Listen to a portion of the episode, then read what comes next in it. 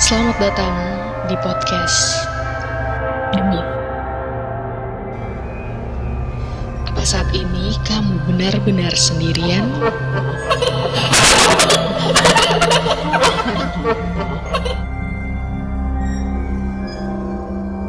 Cerita kali ini terjadi sekitar tahun 2015 silam. Cerita ini dialami oleh seorang pramugari salah satu maskapai terkenal. Ya, kita sebut saja dengan nama Dea. Dea adalah seorang perempuan yang sangat menjaga penampilannya. Berbagai perawatan kecantikan rutin ia tetap lakukan untuk menjaga penampilannya menarik.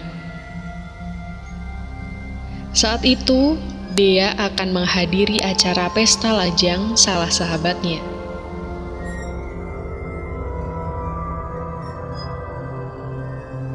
Dea kemudian menjadwalkan kunjungannya ke salon kecantikan yang memang sudah menjadi langganannya. Singkat cerita, ia memutuskan menggunakan hair extension untuk model rambutnya kali ini. Dia sangat senang dengan hasilnya.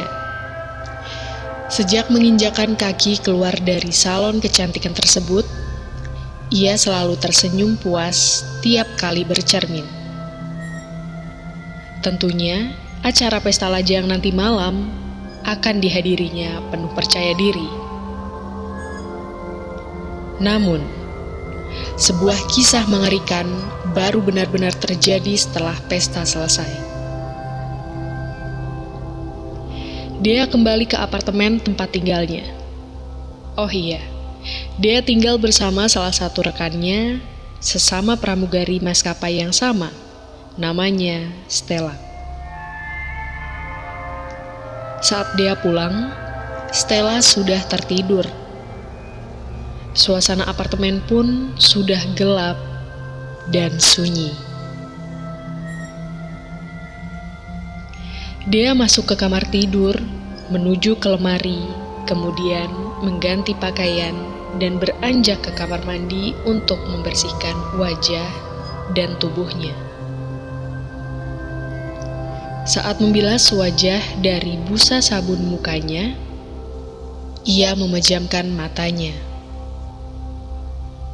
Namun, entah kenapa, muncul perasaan bahwa ada seseorang yang sedang mengawasinya.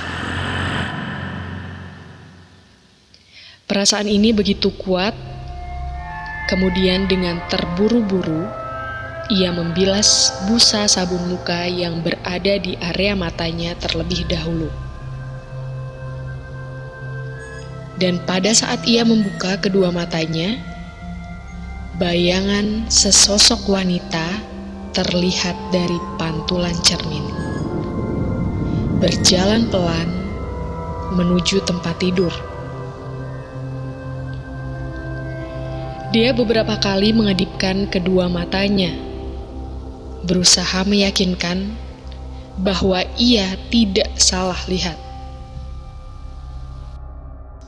Mungkin itu Stella yang terbangun, lalu kembali untuk tidur lagi. Sekedar untuk memastikan, dia bertanya,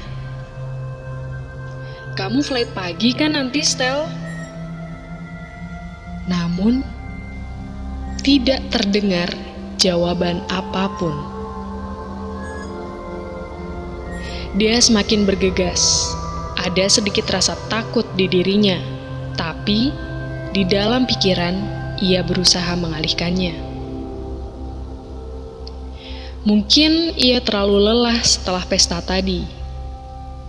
Tak lama, Dea sudah berada di tempat tidur di samping Stella yang sudah terlelap.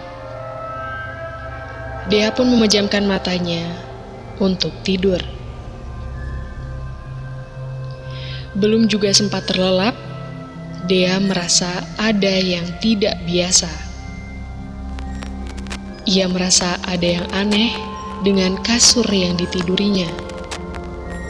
Rasanya tempat tidur itu penuh dengan rambut.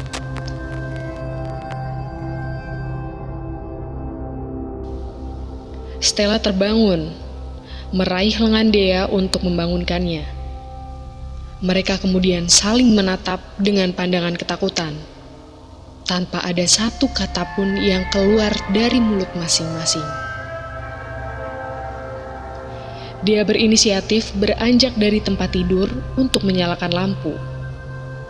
Mereka berdua menjatuhkan selimut ke lantai dan menyapukan pandangan masing-masing ke seluruh bagian tempat tidur. Kok tadi rasanya ada banyak rambut di kasur ya? Mungkin hair extension aku ada yang rontok.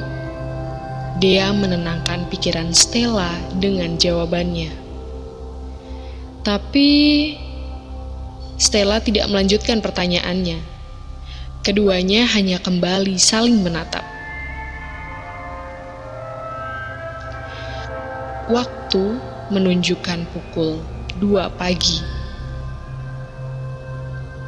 Singkat cerita, Stella kemudian mandi dan bersiap karena ia bertugas pada penerbangan pagi ini. Situasi semakin tidak mengenakan. Dea kali ini sudah benar-benar sendiri di apartemen. Ia kemudian berusaha melanjutkan tidurnya. Lagi-lagi, perasaan tidak nyaman tadi kembali muncul. Kali ini, Dea tidak hanya merasa kasurnya dipenuhi rambut, sekarang mulai terdengar suara perempuan, lebih seperti berbisik. Tapi dia tidak bisa menangkap kata-kata dari suara tersebut.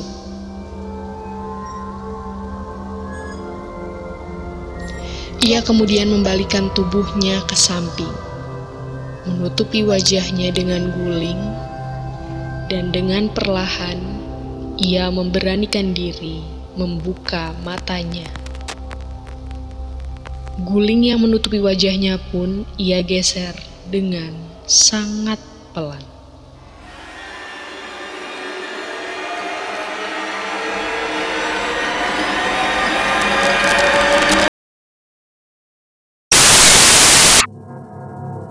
Sebuah wajah perempuan berada persis di hadapannya. Dia ingin berteriak, tapi seolah seluruh tubuhnya tidak punya tenaga. Wajah itu terlihat pucat. Matanya terlihat kosong, namun pandangannya tidak lepas dari kedua mata Dea. Dea kemudian mengalihkan pandangannya ke arah mulut wajah sosok tersebut. Mulut itu tidak berhenti berbicara, tapi yang terdengar hanyalah berupa bisikan-bisikan. Dia berusaha membaca gerak bibir sosok tersebut. Dan semakin lama, bisikan tersebut pun mulai terdengar jelas di telinga dia. Kembalikan rambutku. Kembalikan rambutku. Kembalikan rambutku.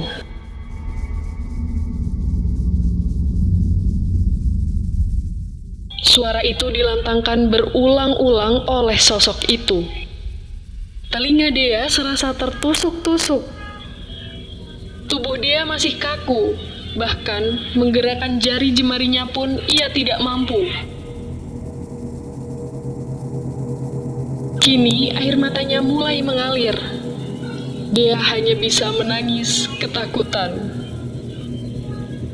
Rasanya Waktu berjalan begitu lambat. Tiba-tiba sosok tersebut kemudian lenyap.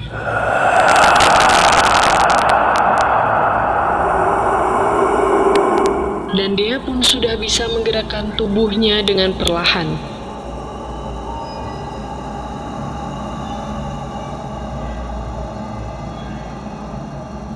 Dia meyakini ada yang salah dengan rambut extensionnya. Keesokan harinya, ia kembali mengunjungi salon. Ternyata betul, wanita pemilik rambut tersebut baru saja tewas dalam kecelakaan beruntun. Ketika mayatnya dimandikan, salah satu anggota keluarganya memotong rambutnya karena dianggap bagus untuk dijual sebagai rambut sambung di salon tersebut. Mungkin si wanita itu marah sebab ia merasa tubuhnya tidak lengkap ketika kembali ke penciptanya. Setelah mendapati cerita tersebut, akhirnya Dea melepas rambut sambungnya dan Dea harus mengembalikan rambut tersebut ke kuburan si wanita pemiliknya. Tak hanya itu, Dea pun harus menguburkannya ke dalam kafan si mayat tersebut.